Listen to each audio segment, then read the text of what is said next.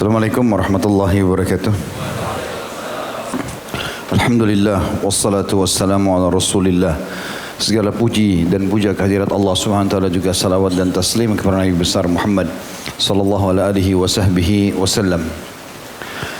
Melanjutkan bedah buku kita, kitab Bulughul Maram. Yang ditulis oleh Ibnu Hajar rahimahullah dan kita masuk kepada kitab ke-11 kitab jihad. Dan jihad teman-teman sekalian adalah sebuah istilah dalam agama Islam yang menjelaskan tentang perjuangan bagaimana seorang muslim mempertahankan agama Allah Subhanahu wa taala. Ini ibadah yang sangat mulia. Memiliki kedudukan yang sangat tinggi. Hanya saja dia punya syarat-syarat dan rukun-rukun yang tidak boleh sembarangan seseorang itu melanggarnya. Dia akan dikatakan jihad dan seseorang itu dianggap mati syahid mulia masuk surga tanpa hisab kalau dia menjalankan sesuai dengan yang diajarkan oleh Allah dan Rasulnya alaihi salatu wassalam. Oleh karena itu tidak boleh sembarangan menggunakan kalimat ini. Seperti kasus orang bunuh diri, bom bunuh diri lalu dia mengatakan dirinya mati syahid. Ini dia bunuh diri, bukan syahid. Ya. Maka ini semestinya dia harus bertakwa kepada Allah SWT dan orang-orang juga yang menyampaikan kalau ini adalah mati syahid bertakwa kepada Allah Subhanahu wa taala. Orang dalam bab jihad dia melawan musuh kapan dia terbunuh, kalau di zaman sekarang membawa bom, dia lempar ke musuh, dia kena percikannya, dia mati syahid. Tapi kalau dia bunuh dirinya, maka ini jadi tanda tanya. Gitu. Karena membinasakan diri Allah mengatakan dalam Al-Quran wala tuhliku anfusakum jangan kalian binasakan diri kalian dan juga Nabi SAW menyuruh para sahabat menyerang musuh tetapi beliau mengingatkan sebelum ketemu musuh la tatamannau liqa'al adu jangan pernah kalian berharap ketemu musuh berharap datang musuhnya pergi tapi kalau kalian bertemu, kokohkanlah telapak kaki kalian. Dan jadi memang kita harus fahami sesuai dengan syarat-syarat dan rukun yang benar sehingga tidak ada kesalahpahaman masalah ini. Karena di zaman kita sekarang ada orang yang sangat ekstrim menolak jihad sama sekali karena menganggap jihad itu adalah kegiatan-kegiatan ekstrim, kegiatan-kegiatan yang uh, aliran yang dianggap keras dalam Islam dan segala macam istilah ini keliru. Karena banyaknya juga orang-orang Islam generasi muda yang tidak faham maka mereka menyalahgunakan kalimat jihad tadi dengan bunuh diri, keluarlah istilah teroris dan segala macam hal. Juga ada orang yang terlalu lemah sehingga tidak pernah juga mau membahas jihad. Menganggap jihad itu tidak perlulah kita bahas masalah solat saja segala macam. Yang benar kita ada di tengah-tengah. Jihad tetap dibahas, dan harus disampaikan dalil-dalil yang benar dan digunakan kapan dibutuhkan.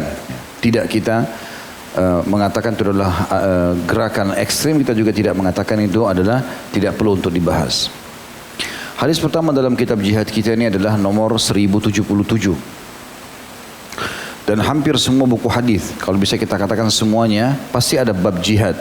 Dalam Sahih Bukhari, Sahih Muslim, Abu Dawud, Tirmidzi, Ibnu Majah, Nasai, seterusnya. Termasuk juga dalam buku-buku hadis ringkasan seperti Riyadus Solihin, ya, ini sekarang buku Bulughul Maram, buku-buku yang terbit di zaman kita sekarang cukup banyak dari penulis yang baru seperti Minhajul Muslim, Syekh Abu Bakar Yazid dan yang lainnya, semuanya mengkhususkan bab masalah jihad ini. Hadis pertama nomor 1077 dari Abu Hurairah radhiyallahu anhu beliau berkata, Rasulullah SAW bersabda man mata walam yagzu walam yuhaddith nafsahu bihi mata ala syu'bati min nifaq ala syu'batin min nifaq. Hadis ini riwayat Imam Muslim di jilid 3 halaman 1517. Kata Nabi SAW barang siapa yang meninggal dalam keadaan belum pernah berperang. Sementara berperang itu ada ya sedang berkecamuk dia tidak pernah ikut sama sekali dan tidak terbersit dalam hatinya untuk berperang maka dia meninggal pada satu sifat dari kemunafikan. Hadis ini sangat tegas menjelaskan bahwasanya setiap muslim harus mempersiapkan dirinya, pikirannya, hatinya untuk bisa uh, mengorbankan atau ikut dalam jihad ini mengorbankan darahnya, hartanya untuk membela agama Allah SWT kapan dibutuhkan. Dan ini makna daripada hadis barang siapa yang meninggal dalam keadaan belum pernah berperang artinya peperangan sedang ada kemudian dia tidak ikut jihad lagi berkecamuk dia diami saja bahkan tidak terbersit dalam hatinya sedikit pun untuk berperang, maka dia seperti meninggal dalam keadaan memiliki salah satu sifat kemunafikan. Kita tahu orang munafik ini artinya orang non muslim yang pura-pura Islam. Nah, berarti dari hadis ini juga diambil pelajaran kesempurnaan iman seseorang muslim adalah pada saat dia dibutuhkan dia akan hadir untuk berkorban untuk agama Allah Subhanahu wa taala. Para sahabat Nabi teman-teman sekalian di perang Uhud diuji oleh Allah Subhanahu wa taala. Setelah di awal peperangan mereka menang, setelah itu mereka dikalahkan. Dan Allah Subhanahu wa taala menyebutkan dalam Al-Qur'an sebabnya kenapa Allah berikan ujian itu kepada mereka. Rupanya ada di antara sahabat yang hadir di perang Uhud itu waktu mereka e, waktu terjadi satu tahun sebelumnya di tahun 2 Hijriah, Uhud tahun 3 Hijriah.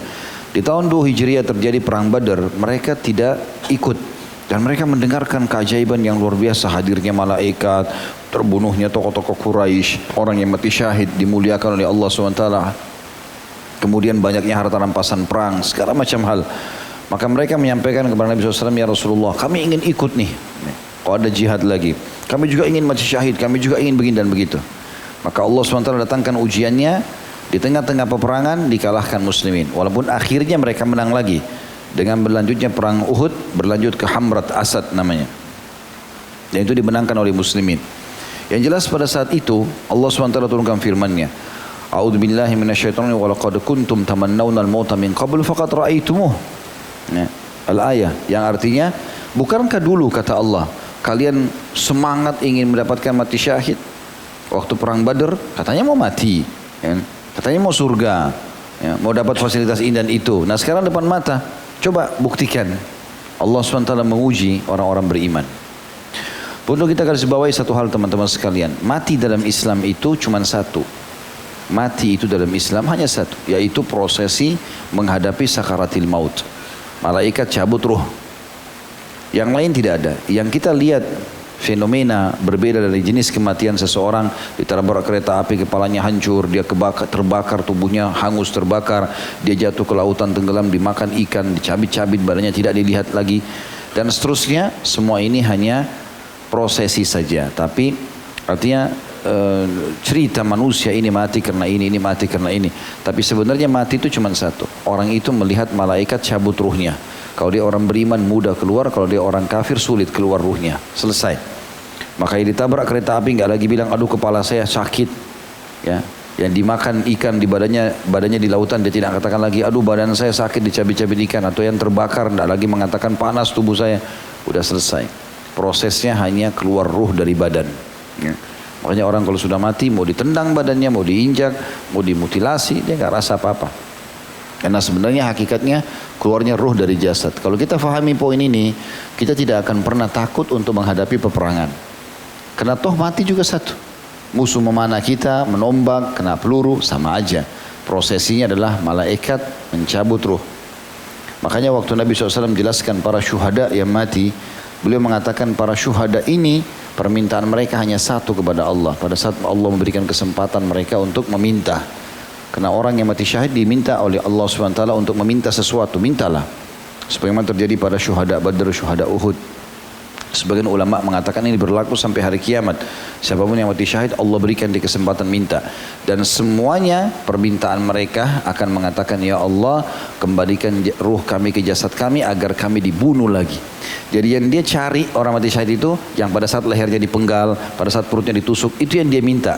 Karena pada saat itu dia mati syahid dan dia akan dapat fasilitas yang luar biasa. Satu tusukan, satu peluru, terbukalah semua hijab matanya. Dia akan lihat semua surga yang dijanjikan, bidadari, segala macam istana. Sudah dilihat sama dia. Maka seorang muslim harus faham masalah ini. Sehingga usah jadi pengecut. Dan sifat pengecut adalah haram dalam Islam. Salah satu hal yang dilarang dalam Islam. Dan Nabi SAW beristiada. Memohon kepada Allah agar dijauhkan dari sifat pengecut ini. Wa'udhu bika minal jubni wal bukhul kata Nabi. Aku berlindung kepadamu dari sifat pengecut dan juga sifat pelit. Ya. Seorang muslim harus tahu masalah itu. Bahkan Nabi SAW mengatakan siapa yang terbunuh, membela kehormatannya, dia syahid. Siapa yang terbunuh, membela keluarganya, dia syahid. Siapa yang terbunuh, membela hartanya, dia syahid. Semuanya kita disuruh melawan, membela kebenaran. Ya. Maka ini perlu digarisbawahi sehingga memang kita siap untuk bisa menghadapi itu di saat ya, yang memang tepat dan memang sesuai dengan syariat itu adalah jihad. Dan jangan disalahgunakan sebagaimana saya katakan tadi di awal. Hadis selanjutnya nomor 1078 dari Anas radhiyallahu anhu bahwasanya Nabi SAW bersabda jahidul musyrikin nabi amwalikum wa anfusikum wa alsinatikum Diriwayatkan oleh Ahmad dan An-Nasai serta disahihkan oleh Al-Hakim. Imam Ahmad menyebutkan di jilid 3 halaman 124, An-Nasai jilid 1, An-Nasai jilid 6 halaman 7, Al-Hakim jilid 2 halaman 81. Yang artinya berjihadlah kalian kata Nabi SAW memerangi orang-orang musyrik baik dengan harta, jiwa dan juga lisan kalian. Ya. Jihad ini selalu bergabung antara dua hal atau tiga hal ini ya. Harta, jiwa dan lisan. Ya, di kancah peperangan atau bukan di kancah peperangan juga sama. Kalau di kancah peperangan bersatu tiga-tiganya. Dia menyumbang dengan hartanya, dia menyumbang dengan jiwanya, dia menyumbang dengan lisannya. Menakut-nakuti musuh, bertakbir, menyemangati para mujahidin. Kalau dia bukan di kancah jihad, maka yang dihilangkan cuma masalah jiwa. Maka dia berkorban, bisa berkorban dengan hartanya. Misal dia menerjemahkan buku, kemudian dia kirim ke tengah-tengah kaum musyrikin, yang mereka bisa baca dapat hidayah atau Quran terjemahan. Itu dengan harta dengan lisan dia menceramai mereka, menasehatin, mengajak masuk Islam. Maka dalam dua keadaan memang dibutuhkan semua ini. Jihad teman-teman kalau digabungkan ketiga ini yang paling afdal. Tapi kalau ada orang tidak mampu, misal dia tidak mampu dengan harta, maka dia dengan jiwanya dan semangatnya, lisannya. Dia tidak mampu dengan jiwanya, dia mampu dengan hartanya. Dia tidak mampu dengan jiwa dan harta, maka dia dengan lisannya. Ya, sampai kata Nabi SAW, kalau lagi tidak ada kecamuk peperangan, afdalul jihadi qaulul haqqi inda inda imamin jair. Jihad yang paling afdal kalau tidak lagi ribut di kancah peperangan, nggak ada jihad peperangan maka jihad yang paling afdal adalah lisan, perkataan benar yang diucapkan di depan pemimpin yang zalim. Nasihati dia dengan cara yang benar, seperti itulah. Dan Nabi SAW selalu sebelum melakukan jihad badan, fisik ya dikirim, beliau selalu memulai dengan harta dulu.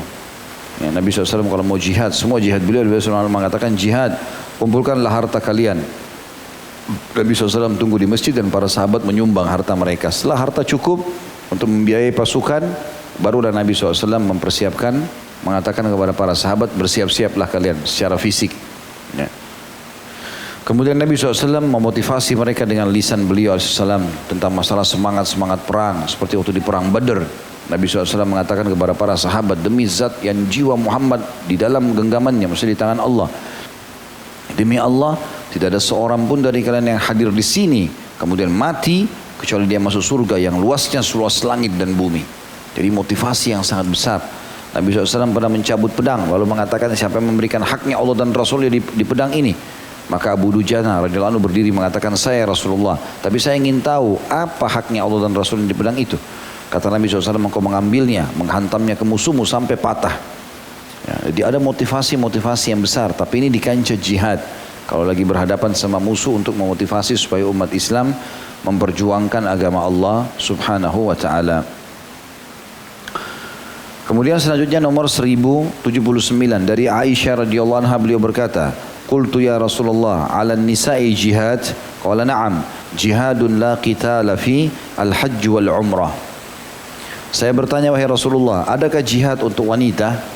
Maka beliau SAW bersabda Ya sebuah jihad yang tidak ada perang di dalamnya Yaitu haji dan umrah Hadis ini riwayatkan Ibnu Majah di jilid 2 halaman 968 Dan hadis ini disahihkan karena asalnya ada dalam Sahih Bukhari di jilid 4 halaman 39. Hadis ini menjelaskan kepada kita bahwasanya tidak wajib jihad bagi perempuan. Tapi kalau ada perempuan yang mau ikut dibolehkan. Tidak boleh kita melarang. Dan Nabi Alaihissalam sering kali membawa para wanita ke kancah jihad. Dan sering kali beliau tidak pernah kurang dari 20 wanita dibawa berjihad. Nah, fungsi mereka kata sebagian sahabiat kami ikut bersama Nabi SAW berperang maka kami menuangkan air untuk para mujahidin ya. Kami membagikan menyiapkan makanan mereka mengobati para orang-orang yang luka di antara mereka. Maka itu tugas para wanita. Dan kalau darurat mereka melawan. Ya. Makanya Nusaybah binti Ka'ab radhiyallahu anha istri eh, salah satu sahabat Nabi dia seorang istri yang sangat luar biasa kalau terdengar suara jihad, panggilan jihad dari utusan Nabi SAW, dia motivasi suaminya, dia motivasi anak-anaknya untuk semua ikut jihad. Dia pun ikut. Ya, dia ikut-ikut perang. Dan dia punya keterampilan perang. Sampai kata Nabi SAW waktu di perang Uhud, saya sangat terdesak dengan panah-panah orang-orang Quraisy Saya temukan Nusaybah binti Ka'ab di hadapan saya mematahkan semua panah-panah tersebut yang terarahkan kepada saya. Jadi wanita boleh, tetapi mereka tidak wajib. Kalau kita laki-laki, ada hukumnya di saat wajib, ada hukumnya juga di saat fardu kifayah. Ya. Ada fardu ain, ada fardu kifayah. Dia bersifat fardu ain bagi laki-laki, itu kalau kita, wilayah kita sudah diserang. Ya kayak waktu Indonesia dijajah oleh Belanda, maka wajar seluruh umat Islam bergerak untuk melawan kan gitu. Seperti itu, ya. Itu fardu ain, kita nggak boleh menghindar kecuali orang yang punya udur, cacat, hilang akal, belum balik anak-anak. Dia fardu kifayah, tercukupkan kalau sudah ada yang lakukan kalau sebagian umat Islam sudah melakukan jihad di satu tempat dan sudah cukup mereka menghadapi musuh maka yang lainnya tidak hadir pun tidak masalah. Mereka cukup menuntut ilmu, mereka bekerja, menjaga negara mereka dan seterusnya. Tapi bagi wanita maka dia sifatnya sunnah ya dibolehkan tapi di skala prioritaskan mereka tetap fokus untuk mengurus anak-anak. Ya. Hadis ini juga menyebutkan tentang keutamaan haji dan umrah, bagaimana haji dan umrah itu setara dengan jihad, terutama bagi kaum wanita. Ya. Jadi dianjurkan para wanita memperbanyak atau mengerjakan ibadah haji dan umrah ini. Tentu dia berangkat dengan adanya mahram, ya. Adanya mahram, baik suaminya, orang tuanya, atau saudaranya, atau anaknya laki-laki yang sudah besar atau balik. Hadis selanjutnya 1080 dari Abdullah bin Amr radhiyallahu anhuma beliau berkata jaa rajulun ila Nabi sallallahu alaihi wasallam yasta'dhinuhu fil jihad faqala ahayyun walidaka faqala na'am qala fa fihima fajahid Hadis ini riwayat Bukhari di jilid 4 halaman 71 Imam Muslim jilid 4 halaman 1979 bahwasanya seorang laki-laki datang kepada Nabi sallallahu alaihi wasallam untuk meminta izin agar ikut berjihad maka beliau bertanya, apakah kedua orang tuamu masih hidup? Maka dia menjawab, iya. Beliau SAW bersabda, maka pada keduanya lah engkau hendaknya engkau berjihad.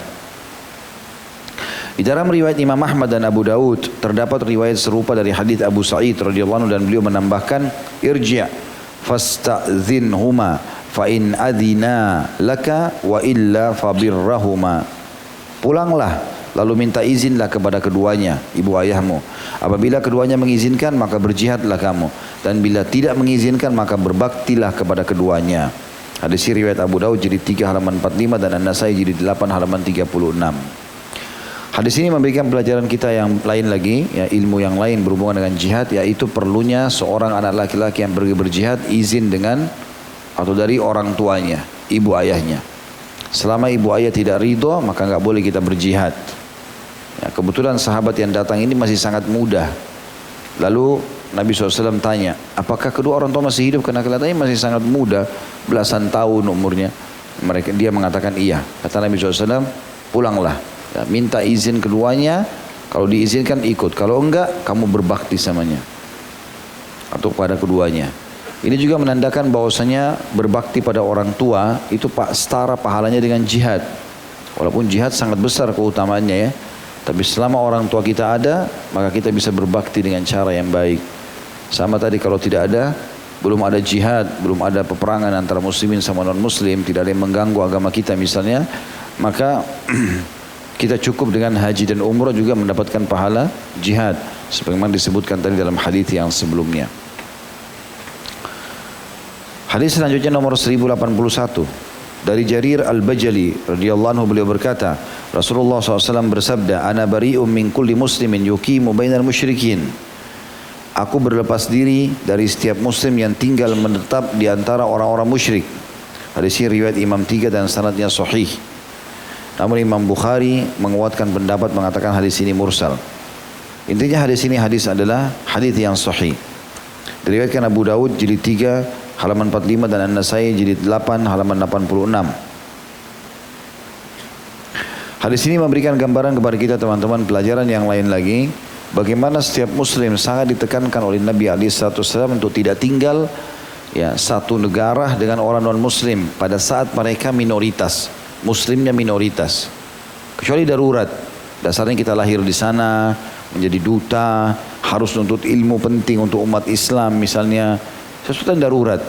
Kalau hanya sekedar tinggal nongkrong di tengah-tengah mereka, tinggal bersama-sama dengan mereka, ya maka ini dilarang oleh Nabi SAW. Kenapa dilarang? Banyak hikmahnya. Di antaranya kata para ulama, jiwa manusia terpengaruh dengan lingkungannya. Sebagaimana sabda Nabi SAW, Al-maru ala dini khalili. Seseorang sesuai dengan agama temannya. Kalau kita sendiri muslim, kita tinggal di satu wilayah misalnya di Amerika yang tidak ada muslimnya. Atau tidak ada kegiatan ya spiritual Islam, tidak ada ritual Islam. Tidak ada masjid, ya nggak ada kaum muslimin gitu, sedikit sekali. Ya, maka kita dianjurkan pindah ke wilayah yang ada umat Islam karena pasti kita akan terpengaruh dengan lingkungan, nggak mungkin tidak. Ya, baik itu pola makan, pola fikir, pergaulan segala macam akan terpengaruh dan ini akan otomatis seorang muslim itu akan meninggalkan ajaran agamanya. Sisi yang lain, dia kesulitan untuk mengerjakan ibadah karena akan dianggap asing. Ia kalau nggak dimusuhi. Berapa banyak keluhan yang sampai kepada kami pada saat mereka pergi ke negara non muslim mereka nggak bisa sholat. Kalaupun mau sholat tidak ada musola, apalagi Jumat tidak ada masjid, gitu kan. Maka ini semua menyebabkan akhirnya dia tidak bisa beribadah kepada Allah SWT. Yang ketiga, susahnya ya menemukan pengobatan-pengobatan yang sesuai dengan Islam. Karena orang non muslim pasti menggunakan bahan-bahan mereka tidak tahu halal haram atau tidak sama dengan hukum kita. Maka pada saat berobat pun akhirnya menggunakan hal-hal yang haram. Yang keempat, pada saat dia meninggal, maaf, pada saat dia mau menikah, dia tidak menemukan, gitu kan dan dia tidak bisa nah, maka pilihannya adalah pindah agama misalnya murtad gara-gara wanita atau misalnya dia menikah tapi dia terpaksa menikah sama orang non muslim belum tentu mau masuk Islam yang kelima kalau dia meninggal di mana kuburannya hmm, akan kesulitan sementara kita balik keadaan kalau kita tinggal di tengah-tengah wilayah umat Islam kayak di Indonesia misalnya Masya Allah masjid sama musola banyak setiap kali kita mau sholat setiap saat bisa bahkan mik kita berantem hmm. sini suara di sini suara, miknya dihadapin. Gitu. Maka kita bisa semua subhanallah setiap saat bisa sholat bisa, masjid musola banyak, kuburan umat Islam banyak, Quran terjemahan banyak, banyak dai-dai ceramah, ulama-ulama ya banyak. Maka eh, nyaman, mati juga enak. Tinggal di kubur-kuburan Islam, kan beda sekali. Makanya Nabi SAW mengatakan, aku berlepas diri. Tidak ada jaminanku ya, bagi orang-orang yang sengaja tinggal di tengah-tengah kaum musyrikin. Sebagian ulama mengatakan maknanya adalah kalau kau ditanya nanti hari kiamat sama Allah, saya nggak bisa bantu kamu. Karena kau sendiri kenapa tinggal di komunitas itu. Sebab ada ayat Al-Quran menjelaskan nanti akan ada orang-orang masuk neraka dan mereka itu orang-orang beriman tetapi tidak bisa ibadah. Maka gara-gara ibadahnya nggak ada, mereka terpengaruh berbuat maksiat di tengah lingkungannya maka dilemparkan ke api neraka. Malaikat tanya, apa yang membuat kalian masuk ke neraka ini? Apa jawaban mereka dalam Al-Quran? Kunna mustada'afina fil ard. Kami di muka bumi dulu tertindas. Gak ada tempat ibadah. Apa jawab malaikat? Alam takun ardullahi wasi'ah fatuhajiru fiha. Bukankah buminya Allah luas sehingga kalian bisa hijrah? Ya bisa jawab akhirnya. Masuk ke neraka. Gitu kan? Maka harus hati-hati berhubungan dengan masalah ini. Hadis selanjutnya nomor 1082. Dari Ibnu Abbas radhiyallahu anhu beliau berkata Rasulullah SAW bersabda la hijrata ba'dal fath walakin jihadun wa niyah. Hadis ini riwayat Imam Bukhari jilid 4 halaman 18, Imam Muslim jilid 2 halaman 986. Yang artinya tidak ada kewajiban hijrah setelah penaklukan kota Mekah akan tetapi ada jihad dan niat. Ya, dulu di awal-awal Islam bagian dari syariat Islam di awal-awal Islam ya itu wajib penduduk Mekah hijrah ke Madinah. Wajib hukumnya. Ya. Maka mereka harus hijrah. Nabi SAW suruh hijrah semuanya. Yang tertinggal di Mekah itu hanya orang yang menyembunyikan keislamannya. Dia susah tinggalkan hartanya, dia pura-pura kafir. Gitu kan. Itu ketahuan setelah terjadi kesepakatan Hudaybiyah. Baru Allah SWT sebutkan kepada Nabi SAW turun firmannya yang mengingatkan masalah itu. Sebenarnya di Mekah itu ada orang-orang yang menyembunyikan keislamannya. Kalau kalian diizinkan oleh Allah memerangi, lalu kalian ber, saling bunuh membunuh di Mekah, maka bisa saja kalian membunuh saudara kita kalian Muslim, gitu kan. Tapi jelas teman-teman sekalian, setelah pembebasan kota Mekah hilang hukum ini, dihapus, nggak ada lagi hijrah dari Mekah. Karena Mekah insya Allah akan menjadi pusat kaum muslimin sampai menjelang hari kiamat nanti. Ya. Tidak lagi hijrah setelah itu. Penduduk Mekah tinggal-tinggal di Mekah. Bahkan Orang sekarang berlumba-lumba tinggal di Mekah karena besarnya keutamaan sholat di sana. Yang kata Nabi SAW sholat di Masjidil Haram sama dengan 100 ribu kali dibandingkan tempat lain. Bayangkan kalau kita sholat satu kali duhur di Mekah sama 100 ribu kali duhur di Indonesia. Nah, itu luar biasa. Bahkan ada sebagian ulama yang lebih jauh lagi mengatakan hampir semua jenis ibadah di Mekah bisa dilibatkan 100 ribu. Seperti perkataan Hasan Basri rahimahullah yang mengatakan satu dirham yang dikeluarkan di Mekah sama dengan seratus ribu dirham. Ya, itu luar biasa utama. Mungkin juga ditarik dalam baca Quran, dalam zikir, dalam berdoa. Ya. Kemudian dikatakan tapi jihad dan niat artinya bagaimana ya berjihad pada saat dikumandangkan atau dipanggil dan juga niat. Kalau tidak ada jihad, niatkan dalam hati. Kapan dibutuhkan kita siap untuk melakukan dan menyambut panggilan suci itu. Ya. Dan ini tentunya perlu diniatkan. Seorang muslim berusaha dalam hatinya semaksimal mungkin dia berniat untuk bisa mati syahid.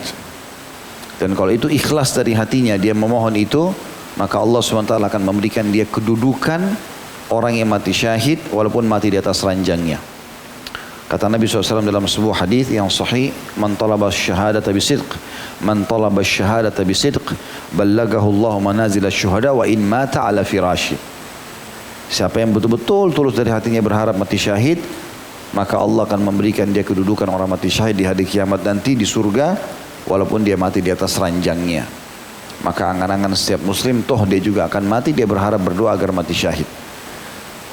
Juga dalam kisah disebutkan Umar bin Khattab radhiyallahu anhu berkata, di zaman itu kekuatan Islam luar biasa, pasukan muslimin tidak terkalahkan. Madinah sangat aman, jauh dari musuh. Gak ada yang berani sentuh Madinah karena kekuatan militernya Islam sangat kuat. Di zaman khilafah Umar bin Khattab dari tahun 13 sampai 23 Hijriah. Maka Umar rindu ingin ikut jihad, tapi kalau dia tinggalkan siapa yang akan memimpin Madinah? Maka beliau di Madinah lalu beliau berdoa kepada Allah di depan anaknya Hafsah. Ya Allah, karuniakanlah aku mati syahid dan di kota Rasulmu. Mati syahid mulia. Mati di Madinah juga mulia. Karena kata Nabi SAW, Man istata' minkum al yamud fil Madinah fal yamud. Siapa di antara kalian yang bisa meninggal di Madinah maka meninggallah. Gitu kan. Matilah. Maka Hafsah berkata, wahai ayahku, bagaimana anda bisa mendapatkan mati syahid sementara anda tidak ikut jihad di Madinah? Madinah lagi aman. Apalagi minta mati di kota Rasul, menyatukan keduanya. Kata Umar, ya'ti bihallah insya' Allah pasti datangkan kalau Allah mau maka betul beliau lagi sholat ditusuk oleh Abu Lu'lu al-Majusi penyembah api kemudian beliau mati syahid dan dikubur di kuburan Nabi alaihi salatu wassalam. Jadi kita tidak ada lagi hijrah dari Mekah tapi jihad kalau dibutuhkan dan juga niat ya, untuk bisa mengerjakan perbuatan suci ini ya, atau amalan suci ini bila diperlukan dan bila memang betul ada sesuai dengan syariat Allah subhanahu wa ta'ala. Hadis selanjutnya 1083 dari Abu Musa al-Ash'ari radhiyallahu anhu beliau berkata Rasulullah SAW bersabda man qatala litakuna kalimatullahi hiyal ulya fahuwa fi sabilillah Barang siapa yang berjuang berperang agar kalimat Allah menjadi paling tinggi maka dia berada di jalan Allah. Hadis ini hadis sahih diriwayatkan Bukhari jadi satu halaman 43 Imam Muslim jadi tiga halaman 1513.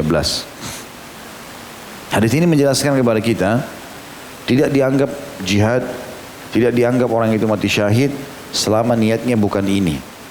Dia harus niatnya untuk ditinggikan kalimat Allah Subhanahu wa taala. Siapa pun yang men, ma, ma, e, berperang hanya karena niatnya murni hanya untuk uh, membela sukunya, ya. Atau misalnya hanya untuk dikatakan dia seorang prajurit atau kesatria atau apalah niatnya, maka semua itu atau fanatisme kesukuan maka semua itu tidak ada pahala jihadnya. Harusnya orang niat untuk meninggikan kalimat Allah subhanahu wa ta'ala. Nomor 1084 dari Abdullah bin Sa'di radhiyallahu anhu beliau berkata Rasulullah SAW bersabda la tanqati'ul hijratu ma qutilal adu. Hijrah itu tidak akan berhenti selama masih ada musuh yang diperangi. Hadis ini diriwayatkan oleh An-Nasai jadi 7 halaman 146 An Ibn Hibban jadi 11 halaman 208. Jadi kata Nabi SAW, hijrah itu akan terus berlaku. Selama kalian berada di wilayah non muslim, kalian ditindas di sana, kalian harus hijrah. Selama masih ada musuh, maka hijrah. Ya. Karena kalau tidak hijrah, maka akan terjadi hal-hal yang tidak diinginkan. Ya, tidak diinginkan.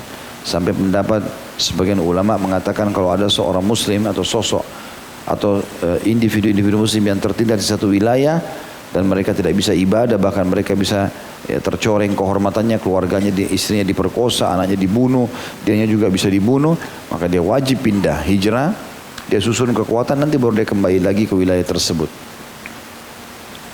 Berarti sini hijrah tetap akan terjadi sampai hari kiamat. Artinya pindah dari wilayah non muslim ke wilayah Islam. Dan bagi teman-teman yang meninggalkan hartanya, saya kan terlanjur punya bisnis, punya perusahaan, punya segala macam, gak usah khawatir. Allah subhanahu wa ta'ala akan mengayahkan dia, memberikan dia kekayaan. Itu terbukti dari para sahabat Nabi yang hijrah dari Mekah ke Madinah. Abdurrahman ibn Auf adalah orang yang kaya raya. Pergi ke Madinah hijrah tidak ada satu lembar pun pakaian selain di badannya dan juga hanya punya sekitar tiga dirham uang. Tapi akhirnya Allah SWT kayakan dia, berikan dia istri, kemudian kembali menjadi pengusaha yang berhasil. Bahkan pasar-pasar Madinah itu umumnya punyanya Abdurrahman ibn Auf radhiyallahu anhu. Hadis selanjutnya nomor 1085 dari Nafi' beliau berkata Aghara Rasulullah SAW ala Bani Mustaliq wa hum ya wa hum gharun faqatala muqatilatahum wa saba dharariyahum haddathani bidzalika Abdullah bin Umar radhiyallahu anhuma. Rasulullah SAW telah menyerbu secara tiba-tiba Bani Mustaliq sedang mereka dalam keadaan lalai atau tidak siap Lalu beliau membunuh pasukan perang mereka dan menawan keturunan wanita keturunan maksudnya wanita dan anak-anak anak-anak mereka. Yang menceritakan hal itu kepadaku adalah Abdullah bin Umar radhiyallahu anhuma. Hadis ini riwayat Bukhari jadi 3 halaman 194, Imam Muslim jadi 3 halaman 1356. Hadis ini memberikan gambaran kepada kita bagaimana Nabi SAW mengatur strategi perang dan bagaimana beliau memang menghadiri peperangan itu sendiri. Semua peperangan dihadiri Nabi SAW diistilahkan dengan gazwah. Ya. Jamaknya gazawat. Dan peperangan tidak dihadiri oleh Nabi SAW diistilahkan dengan ma'rakah. Ya, kalau kita baca gazwa Badr, gazwa Uhud, gazwat ya, Bani Mustaliq, ya, Fath Makkah, ya, kemudian gazwat Hunain, Tabuk, ini semua diistilahkan dengan peperangan dihadiri oleh Nabi SAW. Kadang-kadang Nabi punya strategi perang. Di antara strategi perangnya teman-teman, Nabi SAW bentuk saria-saria pasukan kecil ya antara tiga orang sampai seratus orang. Lalu Nabi SAW suruh menyerang musuh-musuh. Kalau mereka sudah cukup bisa memenangkan peperangan sudah selesai, nggak usah utus pasukan besar. Tapi kalau tidak bisa maka baru diutus pasukan besar menuju ke wilayah musuh tersebut. Dan termasuk yang Nabi SAW melakukan adalah selalu menawarkan Islam terlebih dahulu. Kemudian kalau mereka menolak bayar jizyah, kalau upeti nanti disepakati antara dua pemerintahan dan kalau mereka menolak baru diperangi. Ya. Dan ada dua jenis jihad di sini jihad e, difa mempertahankan diri pada saat diserang dan ada jihad ekspansi yang memang menyebar luaskan Islam. Ya. Nah kalau ada pasukan musuh ketahuan akan menyerang muslimin dan kita sudah kirim mata-mata dan ternyata betul terbukti itu seperti Nabi SAW waktu menyerang Bani Mustalik ini. Suku Mustalik ini suku Arab yang terkenal besar dan akan menyerang Madinah. Maka Nabi SAW kirim mata-mata ternyata memang masuk berbaru sama mereka. Mata-mata ini pula mengatakan benar ya Rasulullah. Lisan mereka selalu mengatakan kita akan serang Madinah. Mereka punya lagi persiapan pedang, panas, segala macam. Maka Nabi SAW pergi menyerang mereka tanpa menawarkan tiga hal tadi. Enggak tawarkan lagi Islam, enggak tawarkan lagi ya jizya, enggak tawarkan lagi eh, eh, hanya ada adalah peperangan. Nabi SAW menyerang langsung. Tapi kalau ekspansi kita ingin menyebarkan Islam, nah kita datang dengan pasukan menawarkan kepada mereka Islam, mereka nolak, maka dengan upeti kalau mereka nolak baru diperangi, maka ini tentu diberikan opsi tiga tadi. Selanjutnya nomor 1086 dari Sulaiman bin Buraidah dari ayahnya radhiyallahu anhu majma'in beliau berkata karena Rasulullah SAW idza ammar idza ammara amiran ala jaish au au sariyah أوصاه بتقوى الله وبمن معه من المسلمين خيرا. ثم قال أغزوا بسم الله في سبيل الله قاتلوا من كفر بالله أغزوا ولا تغلوا ولا تقدروا ولا تمثلوا ولا تقتلوا وليدا. وإذا لقيت عدوك من المشركين فادعوهم إلى ثلاث خصال فأيتهن أجابوك إليها فاقبل منهم وكف عنهم. ادعوهم إلى الإسلام. فإن أجابوك فاقبل منهم ثم ادعوهم إلى التحول من دارهم إلى دار المهاجرين فإن أبوا فأخبرهم أنهم يكونون أنهم يكونون كأعراب المسلمين ولا يكون لهم في الغنيمة والفي شيء إلا أن يجاهدوا مع المسلمين فإنهم أبوا فاسألهم الجزية فإن أبوا أجا فإن هم أجابوك فاقبل منهم فإن هم أبوا فاستعن بالله وقاتلهم. وإذا حصرت أهل حصن فأرادوك أن تجعل لهم ذمة الله وذمة نبيه. فلا تفعل ولكن ولكن اجعل ولكن اجعل لهم ذمتك. فإنكم أن تغفروا ذمامكم أهون من أن تغفروا ذمة الله. wa in araduka antun antunzilahum ala hukmillahi fala fa'al bal ala hukmik fa innaka la tadri atusibu fihim hukmallahi amla Hadis ini cukup panjang saya baca terjemahannya. Dahulu kata sahabat yang mulia ini Buraidah radhiyallahu anhu dahulu Rasulullah SAW apabila menunjuk panglima perang untuk memimpin pasukan besar atau pasukan kecil ya, maka beliau selalu berwasiat atau mewasiatkan agar bertakwa kepada Allah dan mewasiatkan dalam mengurus pasukannya dari kaum muslimin dengan baik. Artinya pimpinannya, panglimanya Nabi SAW nasihati tekankan dia supaya dia bertakwa kepada Allah, patuh. Jangan sampai melanggar hukum Allah karena maksiat bisa membuat pasukan kalah. Kemudian beliau bersabda, berpeganglah dengan nama Allah di jalan Allah, perangilah orang yang kafir kepada Allah, berperanglah, janganlah kalian berkhianat, janganlah kalian mengingkari janji, janganlah kalian memutilasi anggota badan, dan janganlah kalian membunuh anak-anak. Dan apabila kalian bertemu dengan musuh kalian dari kaum musyrikin, maka ajaklah mereka kepada tiga pilihan. Lalu apa pun dari hal itu yang mereka terima, maka setujuilah hal itu. Dan janganlah mengganggu mereka. Sampai sini kita garis bawahi dulu. Ada peringatan Nabi SAW, berperanglah dengan nama Allah. Berarti selalu kita keluar bukan membawa yang lain kecuali nama Allah SWT. Di jalan Allah, betul-betul memang untuk membela agama Allah, Perangilah orang-orang kafir kepada Allah. Yang kita perangi hanya orang-orang kafir dari kaum musyrikin, ya, orang-orang kafir. Berperanglah dan jangan kalian berkhianat. Mana berkhianat sini adalah berkhianat dalam harta rampasan perang, ya, atau berkhianat dengan berpindah mendukung pasukan musuh untuk memerangi muslimin. Jangan kalian mengingkari janji, walaupun sama orang kafir. Sudah janji, maka jangan berkhianat. Seperti misalnya atur strategi perang, kita janji ya kita berdamai. Setelah berdamai, ya mereka lalai lalu diserang itu nggak boleh. Itu berkhianat. Lanjutannya janganlah kalian memutilasi anggota badan musuh. Tidak boleh potong hidung, cungkil mata, potong tangan, nggak boleh. Dan jangan kalian membunuh anak-anak ya, yang masih kecil.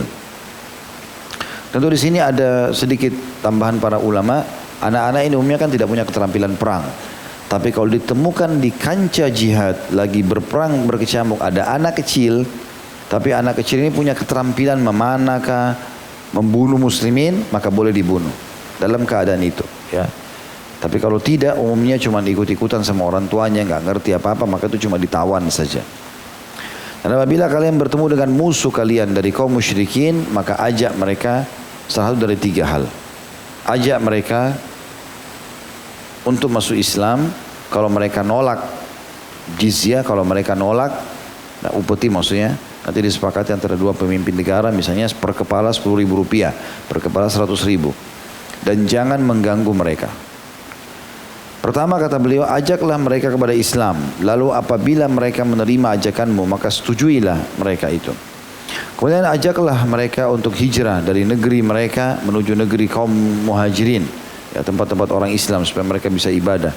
Namun bila mereka enggan, maka kabarkanlah kepada mereka bahwasanya mereka seperti orang Arab Badui dari kaum muslimin dan mereka tidak mendapatkan apa pun dari harta rampasan perang ghanimah maupun harta rampasan tanpa perang atau fai kecuali jika mereka ikut berjihad bersama kaum muslimin jadi ajak mereka masuk Islam kalau mereka terima ajak mereka hijrah kepada Islam kalau mereka terima Alhamdulillah berarti mereka bagian dari muslimin. Tapi kalau mereka masuk Islamnya tapi tetap pindah, mau tinggal di wilayahnya juga nggak masalah. Tapi hukumnya mereka karena tinggal di wilayah non muslim sama dengan Arab-Arab Badui mereka nggak punya harta rampasan perang. Karena kalau misalnya dulu di Madinah begitu Nabi SAW pergi nih perang. Bawa harta rampasan perang banyak. Dibagi kepada mujahidin juga dibagi kepada penduduk dari masyarakat muslimin. Tapi khusus bagi orang-orang yang tidak mau pindah dari negara non muslim tetap tinggal di sana. Ya, maka kalau terjadi jihad mereka tidak berhak mendapatkan ghanimah. Yang kedua bila mereka enggan maka mintalah kepada mereka membayar jizyah atau upeti lalu bila mereka menerimanya maka setujuilah hal itu dari mereka nah, jadi Nabi SAW berikan masuk Islam bayar jizyah, upeti atau mereka diperangi mana pun salah satu dari tiga yang disetujui oleh mereka kita terima wajib kita terima ya kalau mereka cuma mau bayar jizyah boleh. Kalau mereka mau perang boleh. Kalau mereka mau masuk Islam boleh. Pokoknya pilih salah satunya.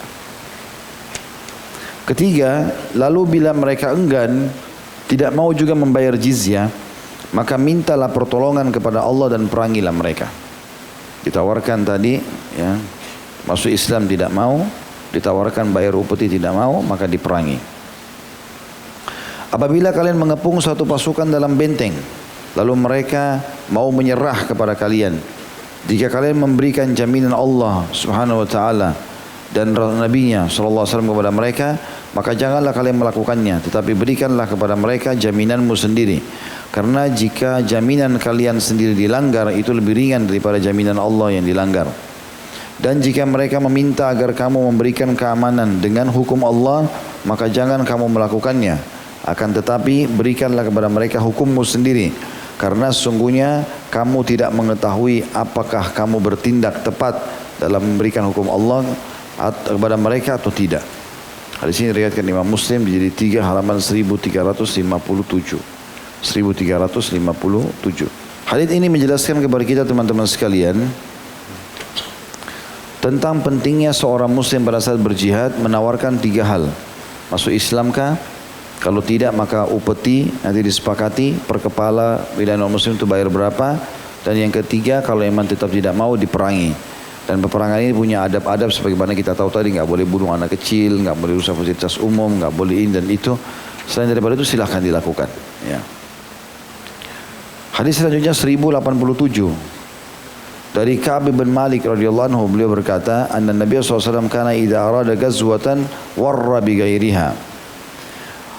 bahwasanya Nabi SAW apabila hendak berperang beliau menyembunyikannya dengan arah tujuan selainnya. Hadis ini diriwayatkan oleh Imam Bukhari di jilid 4 halaman 59 dan Imam Muslim jilid 4 halaman 2128 dari hadis ini menunjukkan juga pelajaran yang lain lagi pentingnya seorang panglima perang untuk merahasiakan dia akan serang wilayah mana.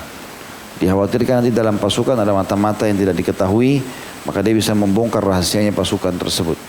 Oleh karena itu dia tidak menyampaikan masalah itu. Dan tradisi Nabi SAW kalau beliau mau pergi ke satu tempat beliau pergi ke arah lain. Contoh misal pada saat Nabi SAW ingin menyerang Mekah jadi kalau Mekah di depan kita misalnya contoh saja telapak tangan saya ini maka di sebelah Mekah sekitar kurang lebih 80 km ada kota Taif namanya di situ ada suku Hawazim Quraisy sama Hawazim ini dua suku yang memang benci sama Islam. Dan memang Hawazim lagi mempersiapkan diri untuk menyerang Madinah. Tapi Nabi SAW targetnya Mekah. Maka apa yang terjadi? Beliau pun jalan menuju ke Hunain.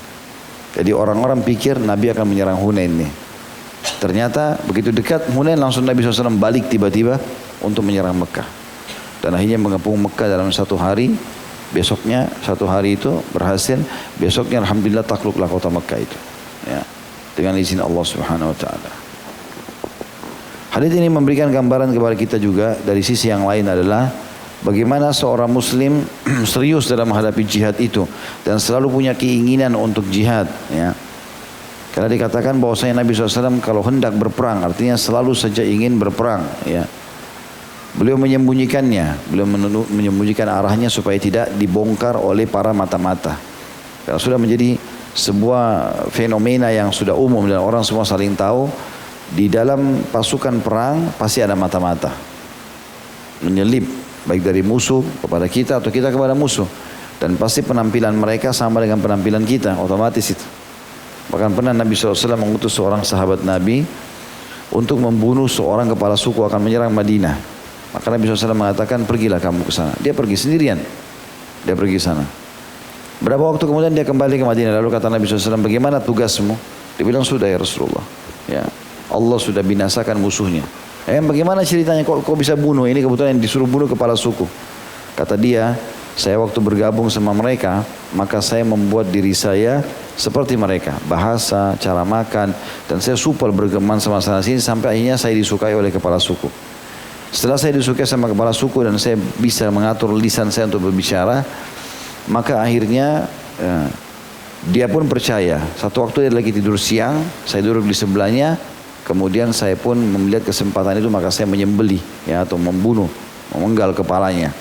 Pada saat sudah saya penggal kepalanya, gitu kan, maka saya pun pulang dan meninggalkan. Lalu kata Nabi SAW, bagaimana sholatmu pada saat itu? Dia bilang, sholatku dengan isyarat ya Rasulullah. Jadi dengan isyarat mata saja. Karena dia memang bertugas untuk memata-matai musuh, ya memata-matai musuh. Ini salah satu strategi perang juga yang diajarkan atau dicontohkan oleh Nabi alaihi salatu wassalam. Hadis selanjutnya 1088 dari Ma'qil bahwasanya An-Nu'man ibn Muqarrin berkata, Syahidtu Rasulullah SAW idza lam yuqatil awwal an-nahari akhara al-qitala hatta tazul asy-syams wa tahub wa tahubbar riyah wa yanzilun nasr wa yanzilan nasr saya menyaksikan Rasulullah SAW kata Nu'man bin Muqarrin radhiyallahu anhu saya menyaksikan Rasulullah SAW apabila tidak berperang pada pagi hari maka beliau mengundurkan di mengundurkan peperangan sampai matahari tergelincir. Angin berhembus dan kemenangan pasti akan datang.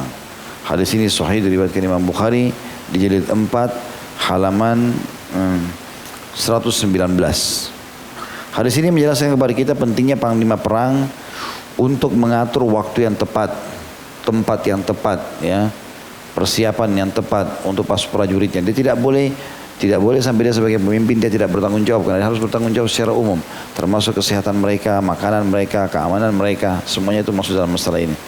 Maka Nabi SAW kalau ingin memerangi musuh maka beliau berperang pada pagi hari karena lagi terang ya, sehingga bisa melihat musuhnya. Kalaupun beliau mau menelambatkan maka maksimal setelah tergelincir matahari. Ya. Di waktu duhur kurang lebih atau sebelum duhur. Angin mulai berhembus dan kemenangan pun pasti akan datang. Kita tutup teman-teman sekalian dengan uh, dua buah hadis ya. Sampai nomor 1090 insya Allah. Setelah itu silakan kalau ada yang mau bertanya. Hadis 1089 dari As-Sa'ab bin Jathamah radhiyallahu anhu beliau berkata suila Rasulullah SAW anid dar minal musyrikina yubayyatuna fayusibun min nisaihim wa dararihim faqala hum minhum Rasulullah SAW ditanya tentang penduduk kampung dari kaum musyrikin yang diserang pada malam hari. Lalu kaum muslimin membunuh dan melukai atau tanpa sengaja wanita dan anak-anak mereka. Maka Nabi SAW bersabda, mereka termasuk dari mereka atau dari hukum. Hadis ini riwayat Bukhari di jilid 4 halaman 74 dan Imam Muslim jilid 3 halaman 1364. Hadis ini teman-teman menjelaskan kepada kita, kalau seandainya kita masuk ke pasukan musuh dan kita berperang di malam hari, sunnah Nabi di pagi hari, bahkan sunnah Nabi selepas sholat subuh menyerang musuh. Ya, itu umumnya dimenangkan oleh kaum muslimin. Tapi kalau sampai terjadi malam hari pun menyerang musuh, maka Nabi alaihissalatu wassalam dikatakan kalau sampai ada di antara muslimin yang membunuh wanita karena dia kira laki-laki atau dia bunuh anak-anak karena dia kira orang dewasa, maka tidak berdosa. Nah, karena memang ini tadi tidak boleh dibunuh. Anak-anak dan wanita tidak boleh dibunuh. Tapi kalau dalam keadaan darurat, tidak disengaja, maka harusnya dilakukan proses itu. Dan Nabi SAW mengatakan mereka termasuk bagian daripada pasukan. Kalau seandainya kalian membunuhnya tidak sengaja. Hadis yang terakhir yang kita bahas pada siang ini insya Allah adalah hadis yang uh, disebutkan nomor 1090 dari Aisyah radhiyallahu anha anna Nabi sallallahu alaihi wasallam qala li rajulin tabi'ahu fi yaumil badr fi yaumi badr irji falan asta'ina bi musyrik. Bahwasanya Nabi sallallahu alaihi wasallam bersabda kepada seorang laki-laki yang mengikuti beliau pada perang Badar pulanglah karena saya tidak akan meminta bantuan kepada orang-orang musyrik. Hadis ini diriwayatkan Imam Muslim jadi 3 halaman 1450 jadi hadis ini memberikan pelajaran yang lain juga dalam bab jihad tentang tidak bolehnya menggunakan di dalam pasukan muslimin orang-orang kafir. Walaupun dianggap dia loyal, ya. Karena tetap saja dia kafir. Kalau kita ketemu di medan perang ternyata dia ketemu dengan agama yang sama dengan dia belum tentu dia mau berperang. Bahkan mungkin dia bisa berkhianat kepada muslimin. Maka Nabi SAW di sini dengan sangat tegas menyuruh pulang seorang orang musyrik, jangan kau ikut sama kami karena kami tidak akan menerima kecuali dari muslimin. Saya tidak akan minta tolong kepada orang kafir. Maka akhirnya orang itu pun pulang. Ya, orang itu pun pulang. Dan ini beda kata ulama dirincikan. Kalau seandainya seseorang itu hanya sekedar melibatkan orang kafir di strategi perang dan memang dia punya ilmu di situ, dia bukan masuk di kancah peperangan untuk berperang melawan orang-orang musuh ini, maka dibolehkan. Seperti kasus Muhammad Al-Fatih rahimahullah, salah satu khalifah Uthmaniyah yang menggunakan jasa seorang eh, ahli membuat meriam eh, dari orang-orang Romawi, tapi dipenjara oleh raja pada saat itu. Lalu diculik dari penjara oleh kaum muslimin, lalu dipanggil, lalu kemudian sebagai rasa terima kasih dia mengajarkan umat Islam cara membuat meriam itu dan bahkan dia membuatkan sendiri. Yang akhirnya dengan meriam itulah benteng Konstantinopel ditembus. Ya. Maka di sini ulama mengatakan Muhammad Al-Fatih dibimbing oleh sebagian ulama menyatakan bahwasanya menggunakan jasa orang musyrik seperti ini dibolehkan. Karena memang dia punya keterampilan yang bisa mengalahkan musuh nantinya. Ya bisa mengalahkan musuh.